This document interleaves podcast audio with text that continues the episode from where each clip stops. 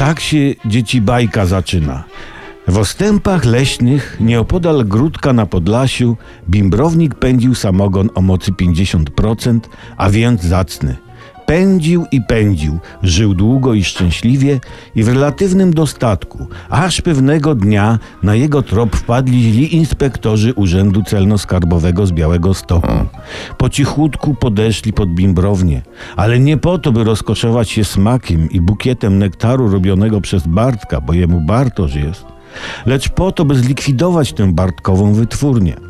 Bartoszowi grozi wyskokowa grzywna, gdyż bez pozwolenia i akcyzy sprzedawał bimber w całym województwie, niosąc ulgę i wytchnienie zapracowanemu za grosze ludowi i inteligencji. Jednym słowem celno-skarbowi uznali, że robi bimber nielegalny. Nielegalnie. I tu dzieci wyszło nieuświadomienie celno-skarbowych, bo na czym rzecz polega bimber?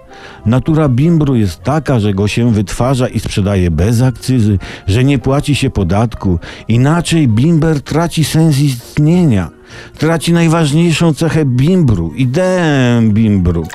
50% lekki posmak nielegalności, charakterystyczną nutkę lekkiego grzeszku, swoiste palonko w gardle.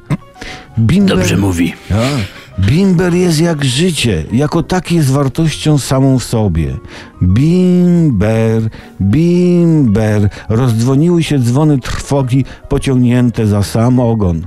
Bimber, bimber, co się dzieje? Dlaczego? Słuchajcie, na Boga, wspierajmy twórczość ludową, która zakorzeniona daje nam poczucie przynależności do całości. Tak.